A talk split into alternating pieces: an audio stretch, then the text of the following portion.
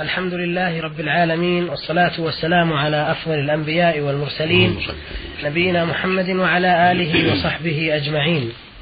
أيها الإخوة المستمعون الكرام السلام عليكم ورحمة الله وبركاته. ومرحبا بكم في لقاء جديد من لقاءات نور على الدرب. في هذا اللقاء يسرنا أن نعرض ما لدينا من رسائل على سماحة الشيخ عبد العزيز بن عبد الله بن باز.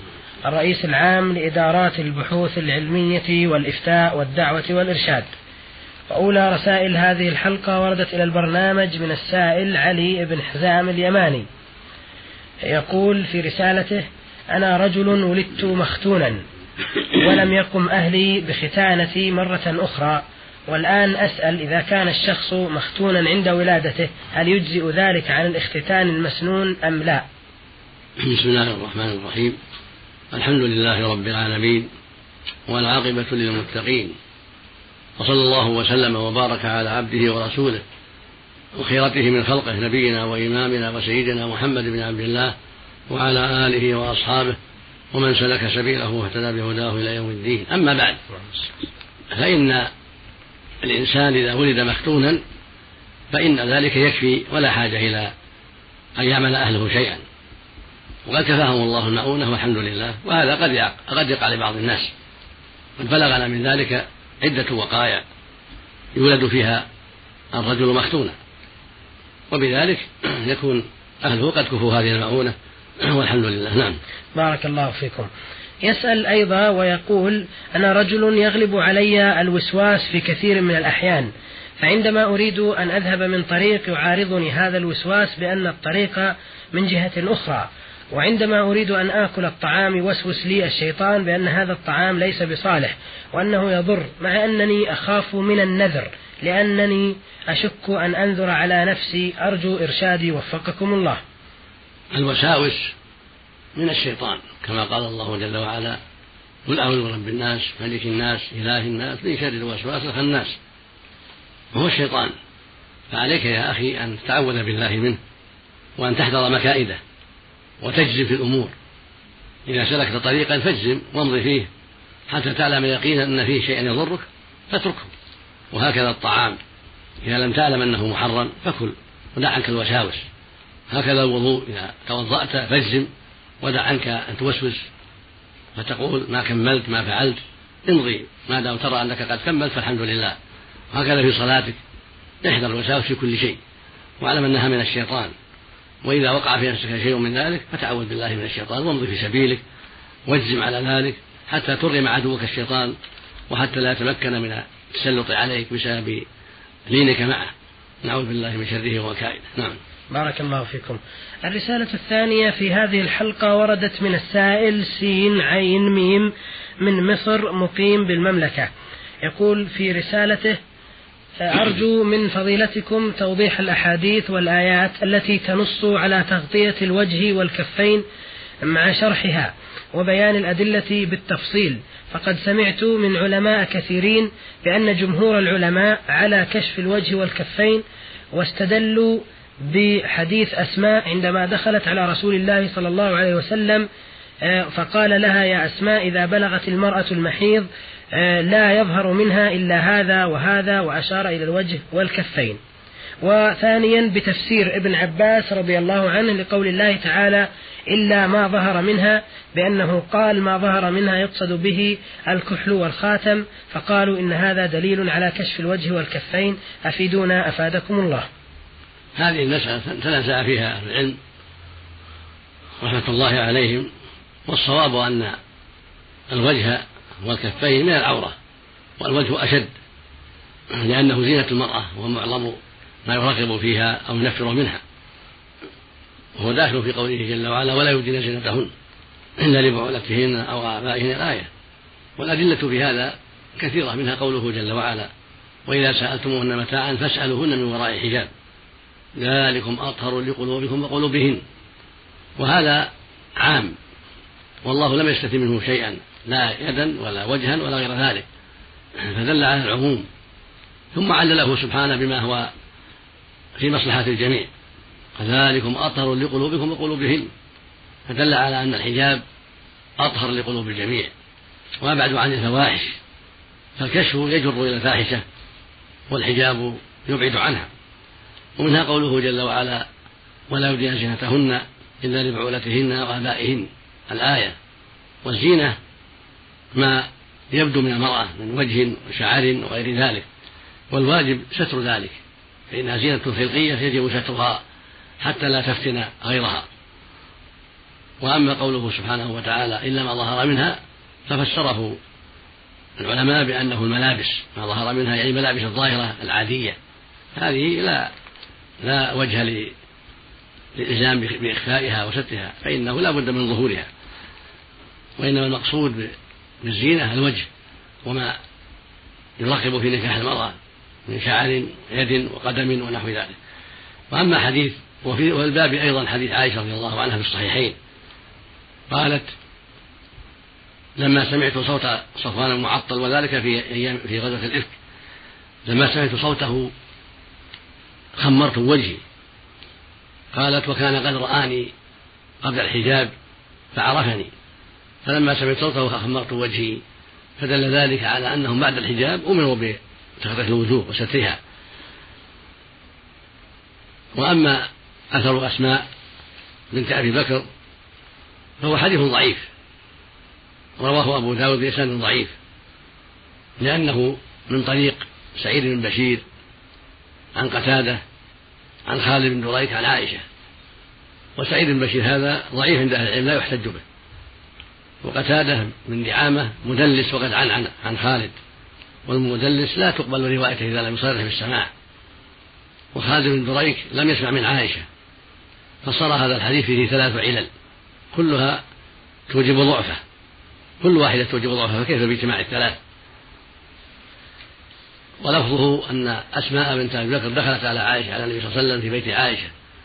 وعليها ثياب الرقاء فأعرض عنها عليه الصلاة والسلام وقال يا أسماء إن المرأة إذا بلغت المحيض لم يصلح يرى منها إلا هذا وهذا وأشار إلى وجهه وكفيه. هذا الحديث صريح لكنه غير صحيح. ولو صح لكان محمولا على ما كان قبل الحجاب. لأن المرأة قبل الحجاب كانت تخرج يديها ووجهها. فلما شرع الله الحجاب أمرت بالستر. فلو صح هذا الخبر لكان محمولا على حال المرأة قبل الحجاب. ثم أمر الله بالحجاب لحفظهن وحمايتهن من أسباب الفتن. والله المستعان. نعم. بارك الله فيكم. له سؤال آخر السائل سين عين ميم من مصر يقول طلب مني أحد أقاربي أن أحضر له شيئا من مكة أو المدينة وعندما ذهبت لشراء ذلك الشيء قال لي التاجر هو بعشرين ريالا. فقلت له لا بل بخمسة عشر. فاشتريته على ذلك. فهل يجوز لي أن أبيعه على صاحبي بعشرين ريالا كما قال التاجر أول مرة أم لا؟ هذا إليك. لا تكذب. لكن إذا بعتها بعشرين أو بأقل أو بأكثر فهذا إليك. لا بأس به. لأن هذه سلعة ليس لها عندكم سعر معروف. أما إذا كان لها سعر معروف عندكم فلا تغير السعر. بين له أنها تباع بكذا وكذا وأنك لا تبيعها إلا بكذا وكذا. أما إذا كان ليس لها سعر عندكم معروف فأنت بالخيار. إن شئت بعتها بخمسة عشر الذي اشتريت به وإن شئت بعتها بأكثر من ذلك أو بأقل من ذلك. وإن شئت وهبتها إياه. فالأمر في هذا واسع والحمد لله. نعم. لكن لا تكذب. لا تقول إنها عليه بعشرين وأن تكذب ولا تقول إنها بخمسة ستة عشر سبعة عشر. وللواقع إنها خمسة عشر ولكن لا تبيعه إلا بعشرين. أو لا تخبره بشيء ولكن تحدها عليه بهذه القيمة. نعم. بارك الله فيكم. المهم أنه لا يقول إن إنني اشتريتها بعشرين. نعم لا يكذب. بارك الله فيكم. آه وهذه رسالة وردت من السائل عبد خلف محمد من آه العراق.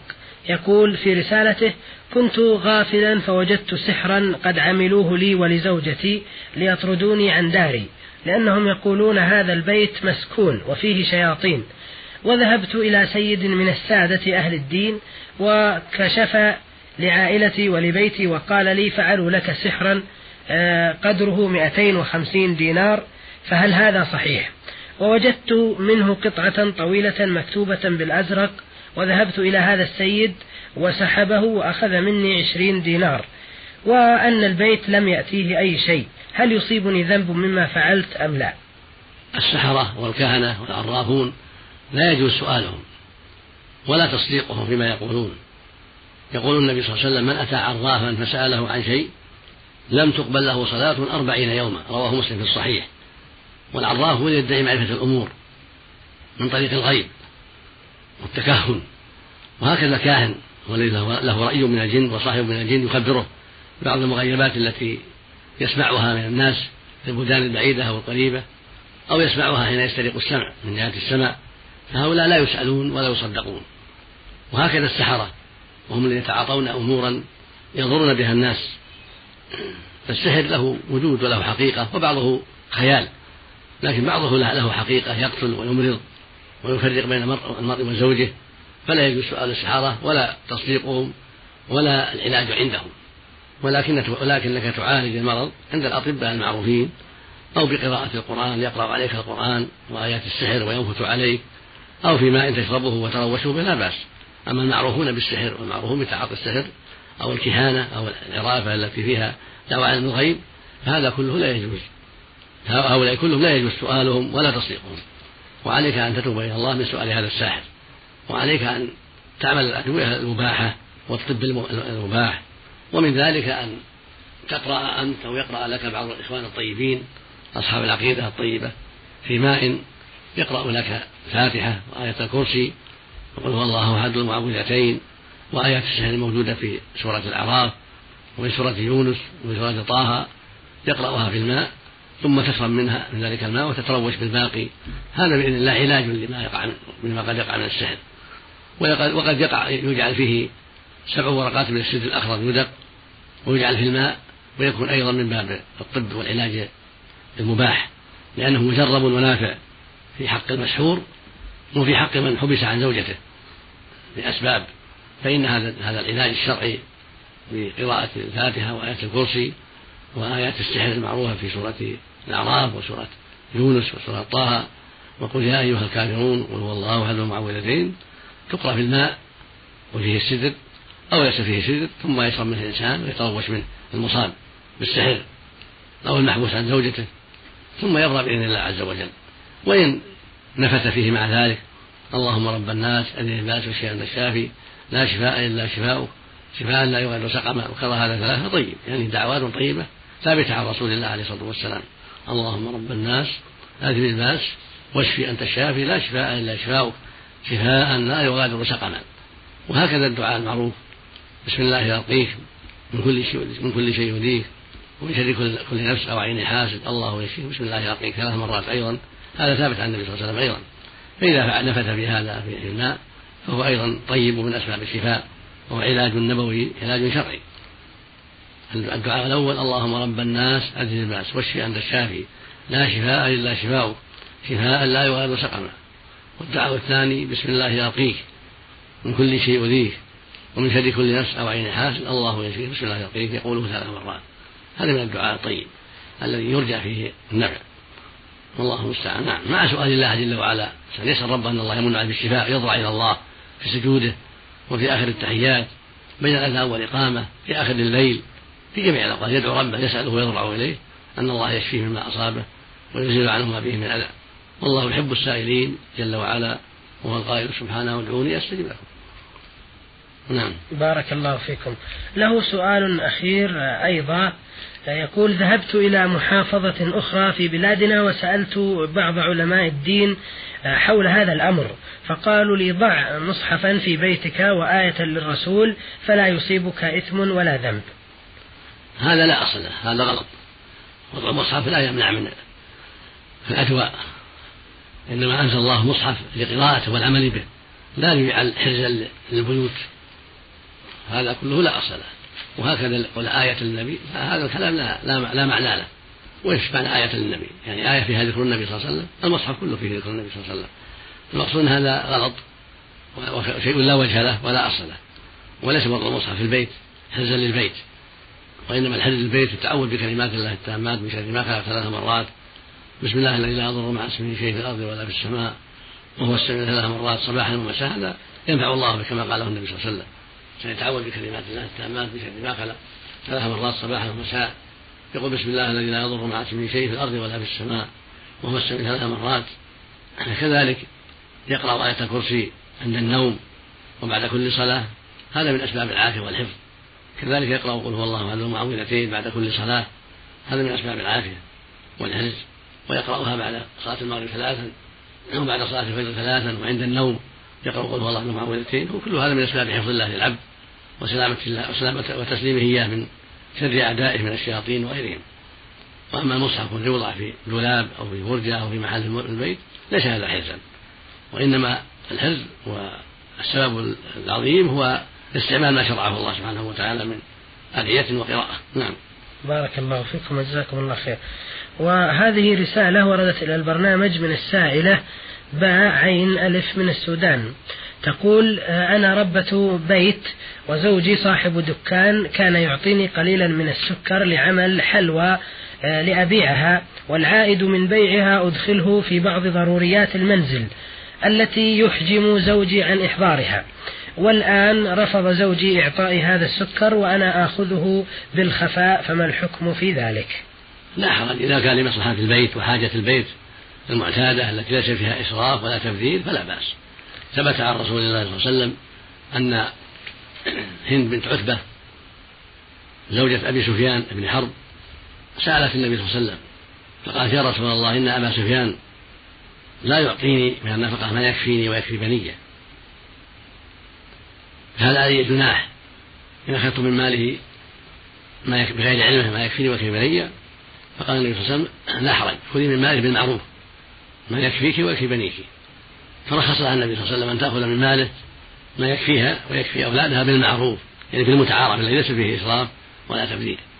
فإذا أخذت من ماله سكرا أو غيره من النقود لهذه الحاجة لحاجة البيت وحاجة الأطفال المعتادة فلا حرج في ذلك. ولو بغير علمه نعم. بارك الله فيكم.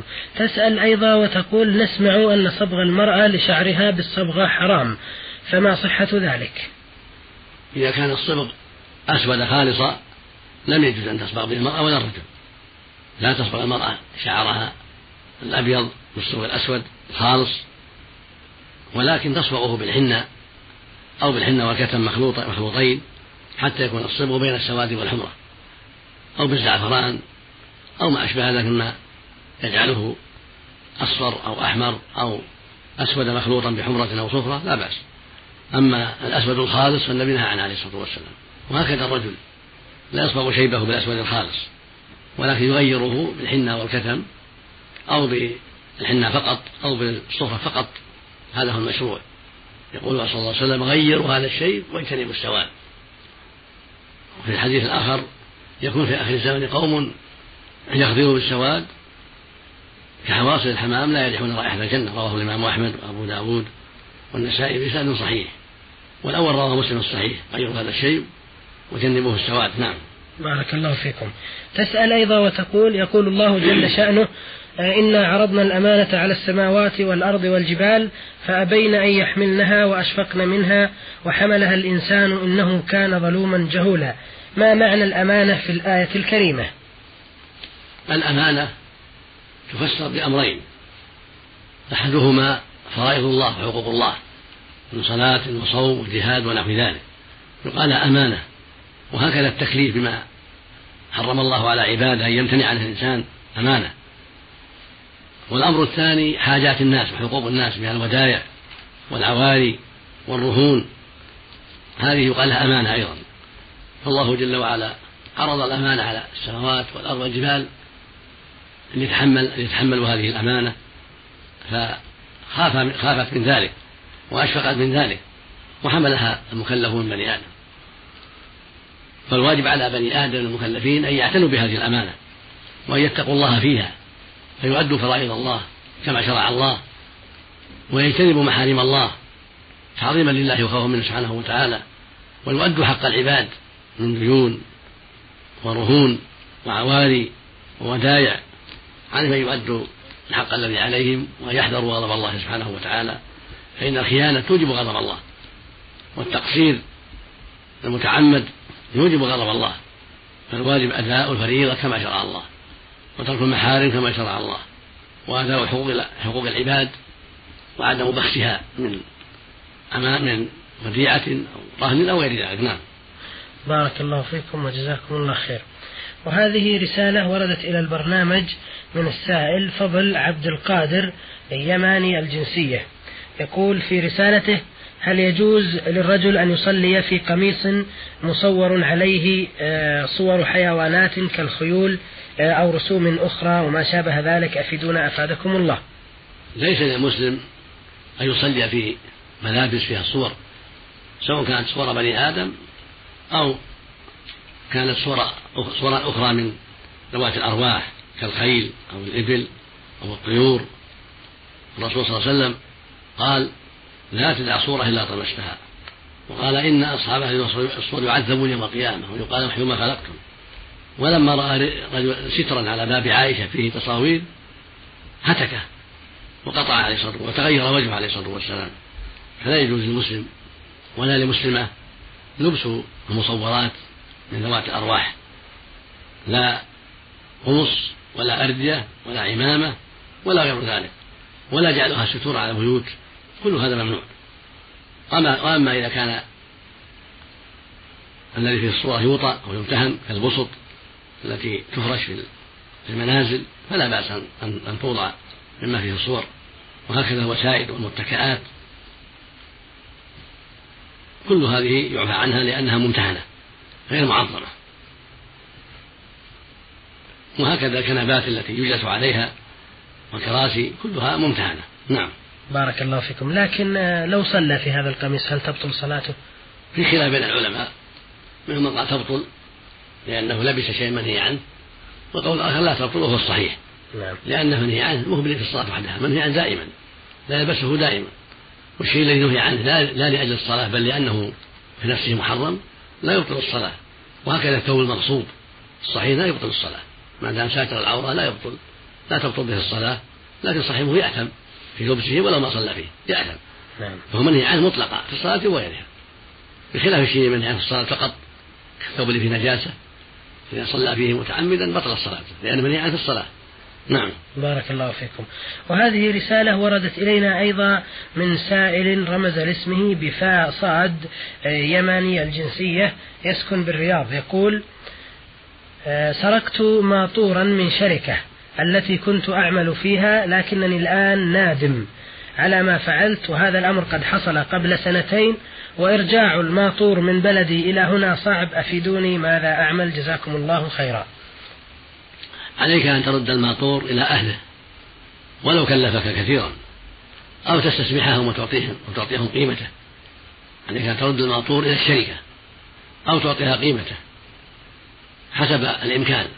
إذا رضيت بالقيمة تعطيها القيمة وإلا وجب عليك رده بنفسه. ولو كلفك أكثر من قيمته. فأنت الظالم فعليك أن ترده إلى أهله. فإن كان رده يترتب عليه مضار عليك وخطر عليك فلا تصدق به اعرف قيمته وصدق به عن عمن هو له عن صاحبه. أما إذا أمكن أن ترده إليهم بلا خطر عليك يعني كبير فإنك ترده إليهم بالطريقة الممكنة إن استطعت ذلك. ولا لو تسمي نفسك ترده وتقول هذا أحضره إنسان يقول إنه للشركة أو ترسله مع أحد وتقول أعطي أعطيه الشركة الفلانية وقل لها هذا من إنسان يقول إنه لها وما أشبه الطرق التي تستطيع إيصاله إليها. فإذا لم تستطع ذلك إلا بخطر عليك فتصدق به عني عن صاحبه وتب إلى الله واستغفر الله ولا تعود إلى ذلك. بارك الله فيكم. لكن الصعوبة لا تمنع صعوبة رده. لا ولو ولو تخلف. بارك الله فيكم. لأنه هو الظالم. جزاكم الله خير. نعم. وهذه رسالة وردت للبرنامج من آه، المرسل أبو محمد مصري الجنسية يقيم في جدة. يقول في رسالته آه، والدي رجل فقير وكان ليس له دخل أكثر من أجر آه، اليوم الواحد الذي لا يتجاوز خمسة قروش. وكان يعمل في السابق من أجلي وأجل أسرة يبلغ تعدادها ستة عشر فردا. وكان في هذه الأثناء يصلي فرضا ويفوت فروض. وهو يعمل في دكانه ويقول إن الجري على المعاش عبادة والآن يبلغ من العمر خمسة وسبعين عاما وليس له من عمل إلا في, في العبادة والصيام. والآن نسأل ما حكم أو ما الحكم في السنين التي ضيع فيها بعض الفروض؟ الواجب عليه التوبة إلى الله سبحانه وتعالى التوبة الصادقة توبة النصوح لأن عمله جريمة عظيمة. وطلب الرزق وكسب العيال ما يمنع الصلاة بل يجب أن يقدم حق الله ويعمل لطلب الرزق في الأوقات الأخرى. فهو أخطأ وغلط قد خطئ وغلط في عمله هذا. فالواجب عليه أن يتوب إلى توبة صادقة بأن يندم على ما مضى من عمله السيء ويقلع من ذلك ويستقيم على الصلاة. ويلزم عزما صادقا أن لا يعود إلى هذا العمل السيء إلى ترك الصلاة. ومن تاب تاب الله عليه والتائب من كما ذنب له الله يقول سبحانه وتوبوا إلى الله جميعا. أيها المؤمنون لعلكم تفلحون. ويقول سبحانه يا أيها الذين آمنوا توبوا إلى الله توبة نصوحا على المسلم وعلى المسلمة عندما يحصل منهما شيء من الذنوب والمعاصي أن يبادر بالتوبة. وأن يصدق في ذلك فإذا صارت التوبة نصوحا مشتملة على الندم على ما مضى والإقلاع من ذلك والعزم الصادق ألا يعود في ذلك مع رد الحق إلى أهله إن كان فيه حق للناس صحت التوبة وغفر الله الذنب سبحانه وتعالى. ولا شك أن السعي على الأرملة والمسكين طلب الرزق أمر مطلوب وعبادة. يقول النبي صلى الله عليه وسلم الساعي على الأرملة والمسكين كالمجاهد في سبيل الله. قال الراوي وأحسبه قال وكالصائم لا يفطر والقائم لا يفطر. فطلب الرزق الحلال لينفق على أولاده وبناته وزوجته هذا أمر مطلوب وعبادة وطاعة لله. لكن لا يجوز أن يضيع معه الصلاة أو الصيام رمضان أو غير ذلك مما أوجب الله عليه. بل يجب أن يصلي كما أمر الله ويصوم كما أمر الله ويعمل في طلب الرزق. فعمله هذا واحتجاجه بطلب الرزق غلط خطأ كبير. ولكن مع التوبة يغفر الله لنا وله. إذا تاب توبة صادقة والله يغفر سبحانه وتعالى. ولكن لا يلزمه القضاء. الماضي لا يلزمه قضاء لأن ترك الصلاة كفر أكبر. على الصحيح من قولي العلماء. والكافر متى تاب؟ تاب الله عليه ولم يلزمه القضاء. قال الله جل وعلا قل للذين كفروا إن ينتهوا يغفر لهم ما قال النبي صلى الله عليه وسلم التائب من الذنب كمن لا ذنب له. فعليه يتوب إلى الله توبة صادقة ويندم نكثر من العمل الصالح والإستغفار والله سبحانه يتوب عليه ولا يلزمه شيء من القضاء. لا صلاة ولا صوما نعم. بارك الله فيكم. يسأل أيضا ويقول هل آه، يصلح له الحج من أموال ابنه أم لا؟ نعم يصلح له الحج لكن لا يلزمه. إلا إذا استطاع بنفسه يعني عنده مال بنفسه. أما إذا حج من مال ابنه فلا حجه صحيح. بارك نعم. الله فيكم. أخيرا يسأل ويقول هل يصح لي نكاح بنت ابن خالتي أم لا؟ نكاح بنت الخالة وبنت الخال وبنت ابن الخال وبنت بنت الخال كله جائز. إن محرم نكاح الخالة نفسه أو العمة نفسها أما بنت الخالة وبنت العمة وبنت العم وبنت الخال لا حرج في نكاحها. نعم. بارك الله فيكم. بهذا أيها الإخوة المستمعون نأتي إلى ختام هذه الحلقة والتي عرضنا فيها رسائل علي حزام اليماني وسين عين ميم من مصر وعبد خلف محمد من العراق والسائلة باء عين ألف من السودان ورسالة فضل عبد القادر يمني ورسالة فاء صاد يمني مقيم بالرياض ورسالة أبو محمد مصري الجنسية مقيم في جدة. نشكر سماحة الشيخ عبد العزيز بن عبد الله بن باز على إجاباته ونستودعكم الله وإلى اللقاء في حلقة قادمة والسلام عليكم ورحمة الله وبركاته.